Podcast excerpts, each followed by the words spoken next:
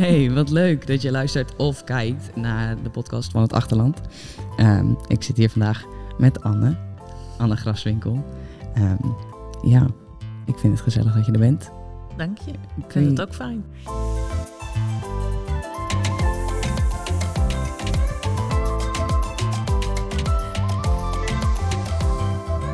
En het is hier heel mooi eh, in, eh, in, eh, in Burgum in de Mookfabriek. Eh, ik vind dit, geloof ik, de allermooiste ruimte die ik ken hier in de Mookfabriek waar we nu zitten. Ja, ik ook. Voor degenen die jou niet kennen, want ik, ik ken jou ondertussen een klein, een klein beetje, denk ik. Dit, zo. Ehm, kan je jezelf voorstellen? Ik ben Anne en ehm, ik ehm, woon in Leeuwarden. Mhm. in de stad in een heel mooi groot huis. Samen met mijn partner Rob. Mijn vriendje eigenlijk. Want we zijn al heel lang bij elkaar. We kennen elkaar denk ik al wel 45 jaar. Wauw. En zolang hebben we nog niet verkering hoor. Maar daar woon ik mee. Mhm. En met onze twee dochters, Naomi en Joeke. Die zijn 17 en 24. En ik kom uit de prachtige stad Zwolle. Mhm. En ehm, daar ben ik opgegroeid op een boerderij. En met, eh, met twee hippie-ouders. En eh, Ah. ben helemaal als hippie-kindje opgegroeid. In Ah. een tijd waar je alles kon worden wat je wilde worden. Dus ik wilde docent worden. Ja? Want ik vond het onderwijs vond ik echt heel stom. En ik dacht, als die docenten dit doen... Hè, ik had een docent maatschappijleer, wat ik een superleuk vak vond. En die Mhm. gaf dat zo slecht. Dat ik dacht van, dit moet beter kunnen. Oh, ik vind maatschappijleerdocenten over het algemeen de leukste die Ja. ertussen zitten. Nou. Tenminste, dat hoort.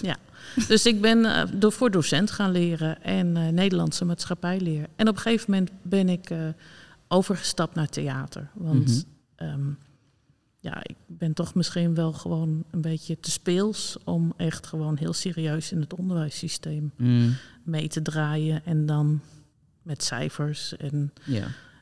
dus Toetsen en zo. toetsen. Ja, dus ik ben theaterdocent geworden en Hmm. daar ben ik in afgestudeerd. En ik heb eh, op een gegeven moment ben ik naar Friesland verhuisd en daar heb ik heel erg veel en heel erg lang bij theater gewerkt, theatergezelschap als hoofdeducatie. Hm. Ik ben wel benieuwd, hè, want je zegt dan dat je eerst ehm maatschappijleer s- dan studeerde, neem ik aan, denk ik. Ja. ja. Hoe kom je dan, dan bij theater? Zat dat er altijd al in? Heb je vroeger les gehad? Of je- dat was gewoon een interesse? Heel stom. Mijn moeder zei: "Kind, jij moet wat met theater gaan doen."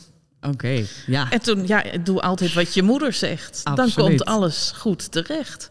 absoluut. Nee, dus op een gegeven moment zat ik in between opleidingen, want ik wist het eigenlijk niet zo heel erg goed. Ja, ik wil wel iets met docent, maar welk vak dan? En toen eh, dat ik niet gewoon echt in een reguliere school Mhm. wilde, dat wist ik heel snel. En toen op een gegeven moment dacht, zei, zei zei ik, oh mijn moeder zei, doe iets met theater.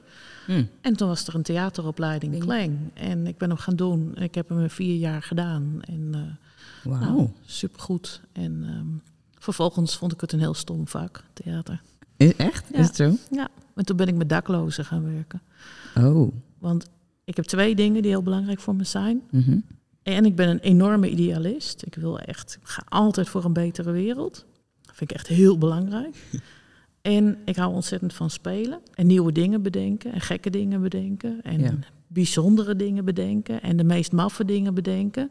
Maar wel als idealist. Mhm. Dus niet alleen maar gek doen om het gek doen. Ja. Maar gek doen met een laagje waarom gek doen zo belangrijk voor je is. ja. Voelde je daarin dan een rem toen je docent was? Dat je dacht, ik moet er dingen leren die me niet interesseren? Of, of Binnen theater niet, binnen Nederlandse maatschappijleer wel. Ah. Maar binnen theater, daar kan je heel erg je eigen vak maken. Hè? Ja, dat is zo. Want je kunt op de regeltjes gaan lesgeven. ja, je kunt precies. theater als doel. Hè? Van, nou, goh, jij wilt acteur worden bijvoorbeeld. Nou, hoe, eh, hoe kan ik jou helpen acteur te worden? Je kan stukken gaan regisseren. Gaan regisse- regisseuren, zie je wel? Ik zeg het, regisseuren. Regisseren, dat heb ik ook wel een tijd gedaan. Dus dat je gewoon een voorstelling maakt met Ja. kinderen of met grote mensen, met volwassenen. Of je kan gewoon les gaan geven. Of je kan theater gebruiken om een ander verhaal te vertellen. Ja. Nou, en dat is het uiteindelijk geworden. Onder andere met daklozen en met langdurig werklozen. En met mensen die heel erg ver van de arbeidsmarkt af stonden. En toen op een gegeven moment had ik zoveel welzijnswerk gedaan dat ik eigenlijk gewoon een beetje sceptisch werd. Ik zei van nou, ik ging me, het, het, het werd te emotioneel. Ik ging me te veel, het werd te veel, ik werd te veel betrokken. Ah, oké. En, Ja, snap ehm, ik wel. ja. En dus ik had zoiets van, goh, ehm, en ik werd een beetje sceptisch. Ik denk van, ja, weet je, ik heb zo ontzettend veel mensen geprobeerd te helpen. En het is maar bij tien gelukt of zo. Ja, Ik dacht van, nou, nou even, moet ik mezelf maar even een tijdje helpen. Heel ver. Heel ver. Ja, dus toen, wel. eh, en dan moet je leuke dingen doen als je Mhm. jezelf wil helpen. Dus toen ben ik bij theater gaan werken. En daar heb ik 16 jaar met heel veel plezier gewerkt. wat, wat deed je daar precies? Ik was hoofdeducatie. Hoofdeducatie. En wat houdt dat in voor de, de leken onder ons? Nou, dat, dus. ehm, oh, ehm, nou, stel je maakt een voorstelling en die voorstelling gaat over eh, ehm, Macbeth. Ja. Nou, dan kan je zeggen van alle leerlingen van 12 tot eh, 18 moeten naar Macbeth toe. Mhm. Soms heb je wat extra's nodig voor die tijd of na die tijd eh, om eh, goed naar die voorstelling te kunnen kijken. Bijvoorbeeld al een les over wie Macbeth is. Ja, Of eh, een scène gespeeld hebbend. Of het thema van Macbeth eh, besproken. Van waar gaat het nou eigenlijk over? Gaat het over wraak? Gaat het over eerwraak? Gaat het over macht? Mhm. En wat heeft macht met jou? Is er iemand in jouw leven die heel veel macht over jou heeft? Het gaat dus ook heel erg over hoge status en lage status. ja. Maak jij de dienst uit of maakt iemand anders de dienst uit? Nou, en iemand die aan eh, educatie rond theater doet, die probeert die voorstelling zo toegankelijk mogelijk te maken, zodat je ehm, eruit komt en dat je denkt: oh, wat ik gezien heb is tof, en ik kan er in mijn eigen leven ook wat mee. ja. Dat je die connectie ineens meer voelt dan... Ja. We gaan vandaag een voorstelling kijken. Hier heb je de voorstelling. Veel ja, succes. nou jongens, Plezier. dat was leuk en dan gaan Ja. we nu weer aan het werk. Ja, want dat is hoe ik het altijd heb gedaan. En Ja. soms dacht ik ook... Ik heb geen flauw idee waar ik naar gekeken heb. Nee. Top. En dat is soms ook heel erg goed. Ja, ja, is ook. Dat kan ook heel prima Maar zijn. ja, dan, dan, dan verwacht je wel dat dat ook dan een soort van nog besproken wordt achteraf. Van wat vond je ervan? Of wat, heb je, wat heeft je emotioneel gemaakt? Of Ja. wat, wat vond je helemaal niet leuk? En dat Ja. had ik dan helemaal niet. En dan dacht Nee. ik, ja. Nou ja, of je moest er een CKV-verslag over schrijven. En dan moest je, ja, dat, dat heb ik ook heel veel meegemaakt. Dat, Mhm. dat, dat, eh, dat jongeren een, een verslag moesten schrijven van over wat ze gezien hadden. En wat heeft de regisseur bedoeld? Ja, weet ik dat? Dan sla je me dood. Ik zou het niet weten. ja, nou ja, goed, dat dus. Hè, van wat heeft de regisseur bedoeld? En, Ja. en wat de regisseur bedoeld heeft, is voor jou wat anders dan voor een vrouw van 55 bijvoorbeeld. Ja, tuurlijk. Hè, of voor eh, of je, eh, eh, waar je vandaan komt, uit wat voor milieu je komt, eh, kan je Ma- Macbeth heel anders ervaren. Mhm. Nou, dus dat deed ik bij alle voorstellingen van theater. En ik maakte ook zelf workshops en ik gaf rondleidingen en ik dacht mee met het team. En soms mocht ik ook wel tips geven over nou, hoe dingen dan voor jongeren of voor kinderen beter zouden overkomen. Of ik gaf inleidingen bij volwassenen voorstellingen. En, Ah. eh, ja, superleuk.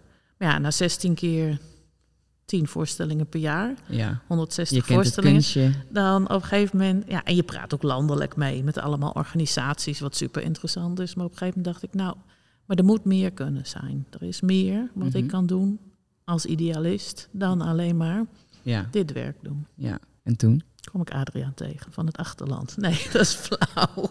Daar zijn we nog helemaal niet. Toen Daar was hij dan. Nee, maar toen ben ik eh, bij Kunstwerk gaan werken. Ik kende Adriaan trouwens. Achterland was er toen nog niet, denk nog niet eens geboren in zijn gedachten. Maar ik had hem bij theater al wel eens een paar keer ontmoet. Hm. Ehm, eh, en, en Dirk ook, Dirk Bruinsma, hè, die ook eh, Ja. betrokken is bij het Achterland ook.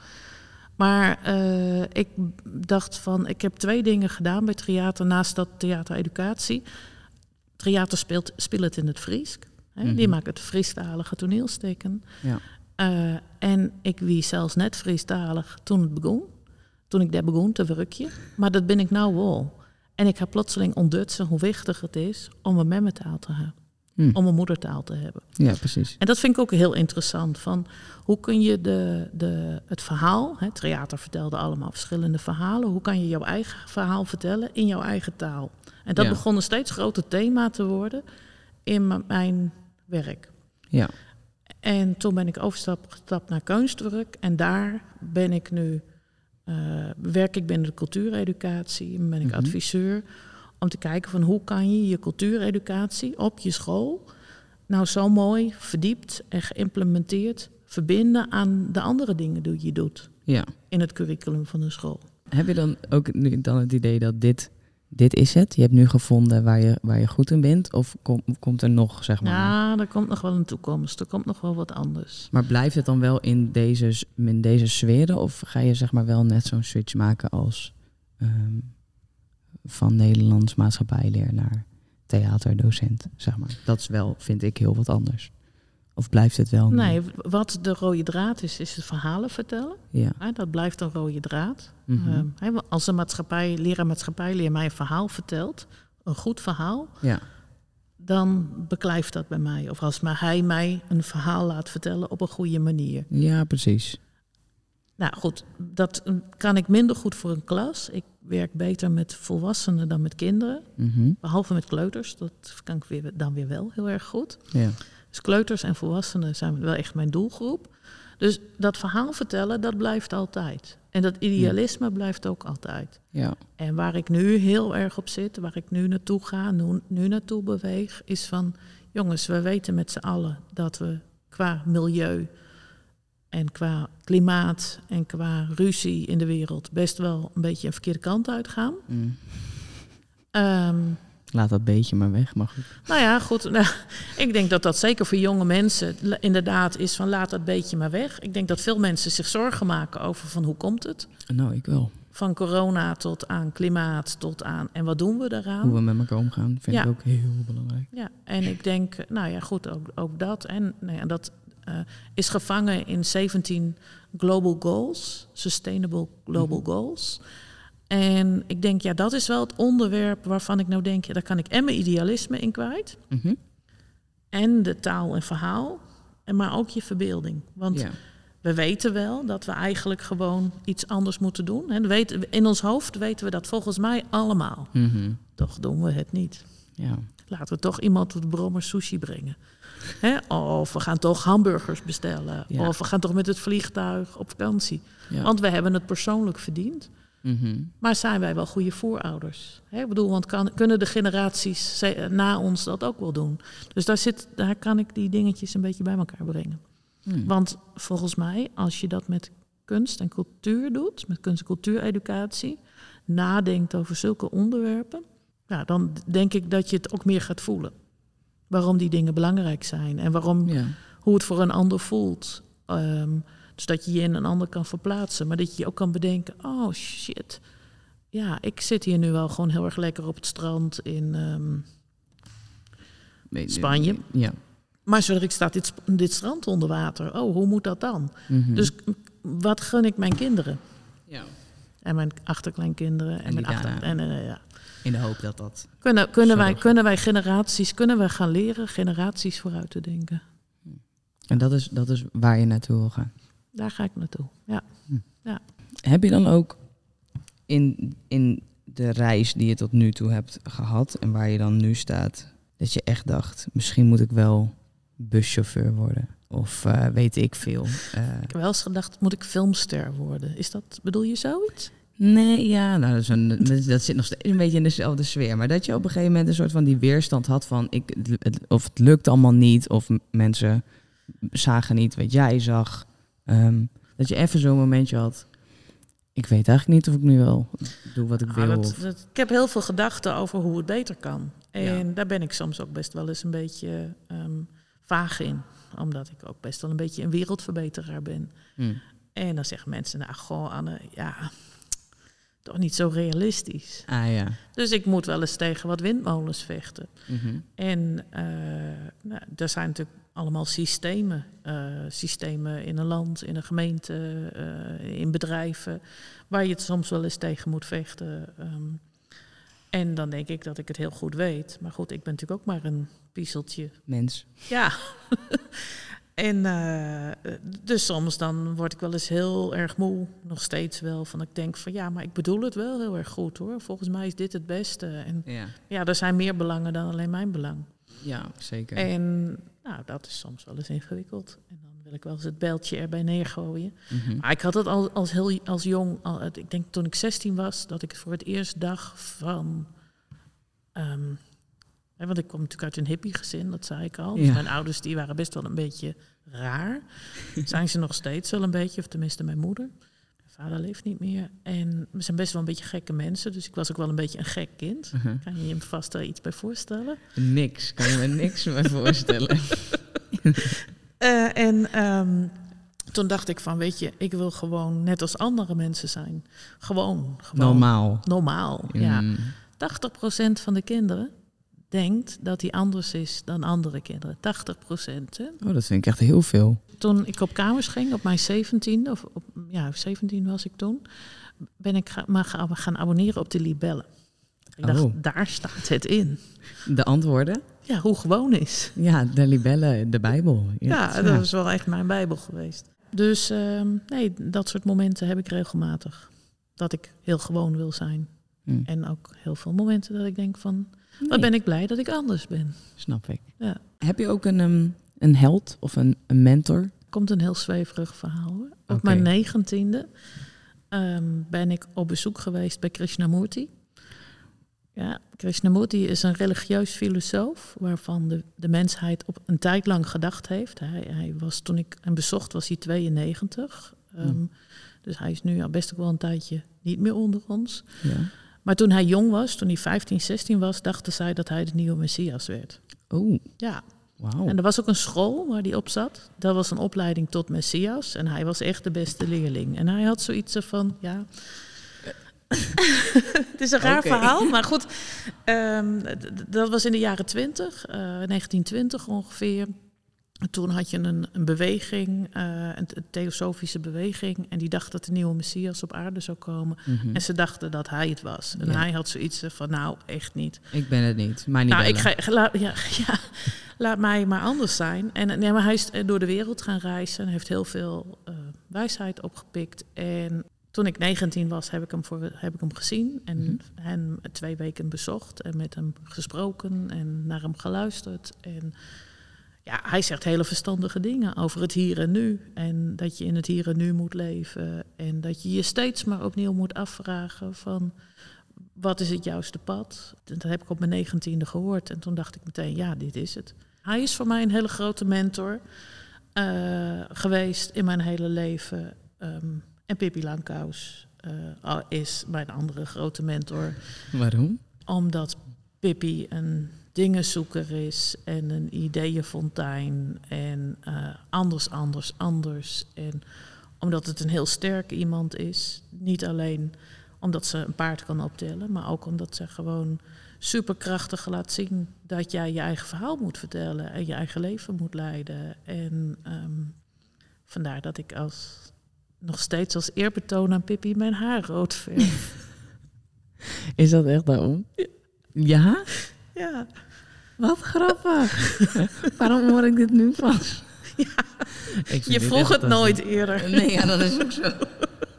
Nee, maar ik, en, en ik, ja goed, ik denk dat ik altijd mijn hele leven een soort Pippi geweest ben. Ik denk dat Pippi Hmm. tien was of zo in het verhaal. Maar Pippi was geen tien. Nee. Pippi was gewoon veel ouder. Ja, oude ziel. Was een, ja, er was een groot mens in een kinderlichaam. En ik denk dat ik nu een, eh, een groot mens ben met een kind in mij. Ehm, Ah, ja. En dat vind ik gewoon dat je altijd onbevangen in het leven kan kijken naar van wat brengt mij. Mhm. En dat zegt Krishnamurti eigenlijk ook. Van dat je, je moet steeds weer opnieuw gaan kijken in het hier en nu. Wat zie ik? En je moet niet in het verleden leven. Je moet ook niet in de toekomst leven. Maar Mhm. hier is het. En hier kan je dingen bewegen. Ik vind het een interessante combi. ja, die twee wil ik wel eens samen in een kamer zien. Pippi is voor mij echt wel het symbool waarvan ik denk van ja, goh, ehm, zo zou je in het leven moeten kunnen staan. Mhm. als individu, als, en dat spreekt me ook heel erg aan in wat het achterland doet. Ehm, je eigen verhaal kunnen vertellen. Je niet anders voelen en je niet gewoon voelen. Of je en gewoon en anders te voelen. Mhm. Ehm, je eigen waarde daarin te doen. En toch naar de wereld kunnen kijken. Je kunnen verbinden. Ja, dat zijn volgens mij hele. En hè, dus, dus je eigen verhaal leren kennen. Ja, en dat is wat het achterland doet hè, met kinderen en met jongeren. Mhm. je eigen verhaal leren kennen en dat steeds maar opzoeken. En eh, toen ik ehm, eh, jaren geleden ehm, met Adriaan voor de eerste keer praatte over ehm, het plan wat hij had voor het achterland, Ja. toen had ik zoiets van ja, dit is waar voor mij educatie ook over gaat. Hè, kinderen leren hun eigen verhaal te vertellen Ja. in hun omgeving. Hè? eh, en- ook anders kunnen kijken. En, nou, en dat doen ze hier bij het achterland. En dat vind ik heel knap. Dat je dus met jonge mensen op zoek gaat. Wat is jouw manier om jouw verhaal te vertellen? Ja. Doe je dat met muziek? Of doe je dat met dans? Of doe je dat door hele goede rekensommen te maken? Of doe je dat door films te maken? Of Mhm. doe je dat door podcasts te maken? Hoe kan ik jou je verhaal laten vertellen? Ja. Maar hoe ben je dan van, van een kunstwerk waar je dan nu werkt, Ja. zeg maar, bij het achterland gekomen? Want je hebt dan dus een keer met Adriaan gepraat toen het achterland nog een idee was, Ja. een concept. Ja, toen er nog een babytje was. Ja. Je hoort over een concept wat je echt denkt van wow, dat is mooi. En dit lijkt op wat, waar ik ook mee bezig ben. Mhm. Wat ik heel erg belangrijk vind. En het achterland zit in de, in de molkfabriek in Burgum. En eh super mooie plek. Daar hadden we in het begin al over, dat het hier echt waanzinnig mooi is. Ja. En het is eigenlijk nog niet zo ingericht. Het is nog niet echt iets van iemand. Nou ja, op zulke plekken kunnen de grootste avonturen natuurlijk gebeuren. Absoluut. Het is een soort onbewoond eiland. Ja. Dus wij kunnen dit inkleuren zoals we zelf willen. Ja. Nou goed, eh, toen ik weer eens een van mijn grote visionaire stippen op de horizon had... en ik dacht van shit, ik moet een plek vinden waarin ik dat kan doen... Ja. Toen dacht ik, hé, hey, ik ga naar Adriaan. Want die zit in de melkfabriek, die wil hetzelfde als wat ik wil. Hmm. En die heeft nog een onbewoond eiland. Maar toen was het, de, het achterland dus wel al Ja. werkend, Ja. zeg maar, een organisatie. Ja, ik ben een paar keer hier ook geweest van... ehm, eh, want ik ken een aantal mensen van het docententeam. En ehm, nou ja, op een gegeven moment was ik zo nieuwsgierig. Ik wil het, wil het wel eens even zien. En toen hebben Adriaan en ik de hele middag zitten fantaseren... over de open dag en wat je dan kon doen. Ja.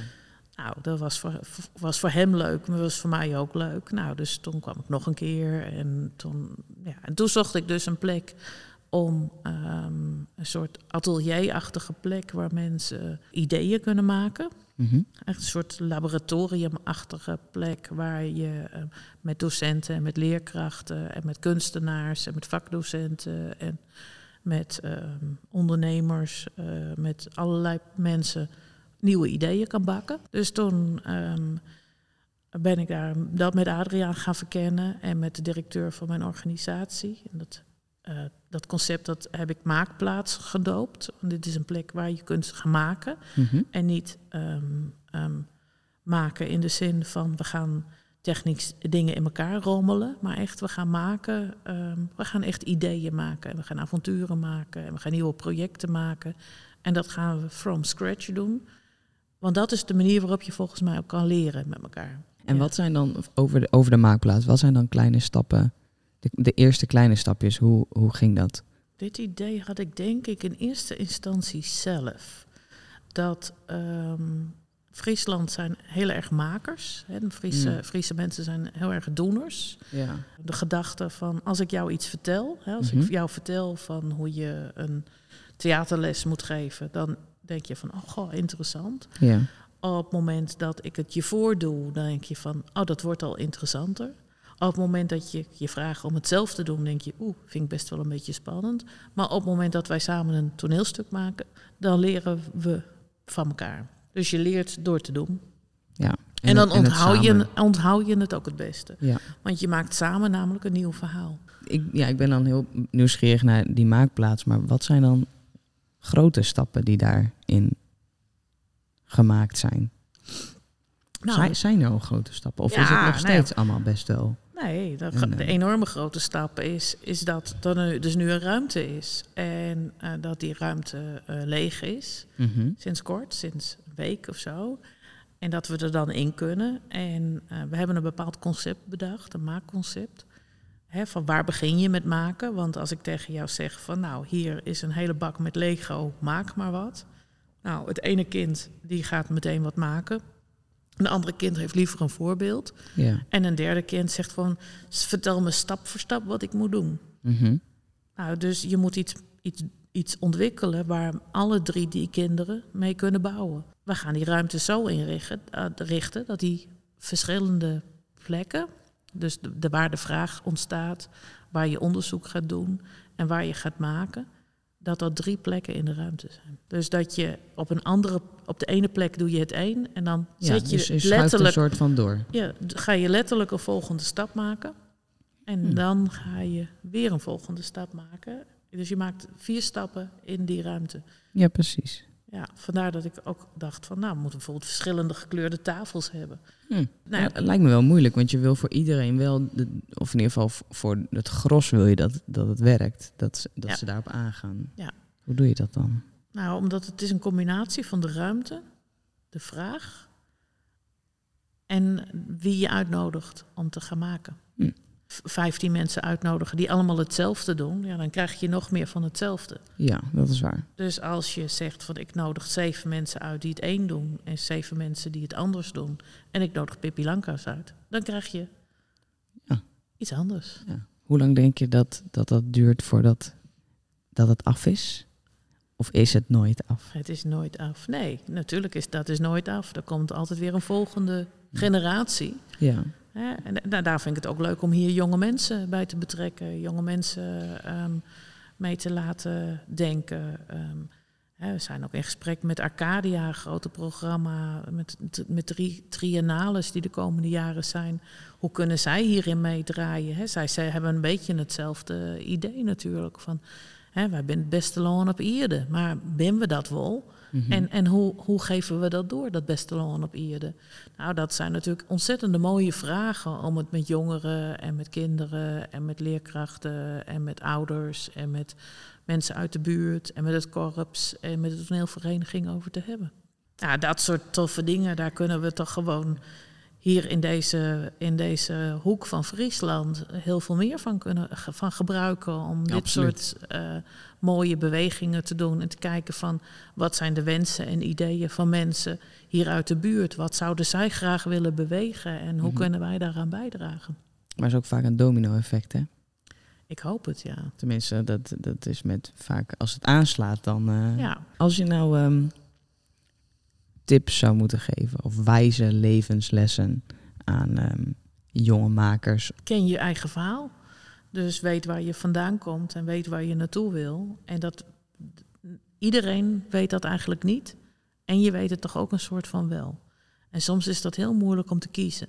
Want je weet eigenlijk wel, ja, daar ligt mijn hart, daar ligt mijn talent en daar ligt mijn Mm.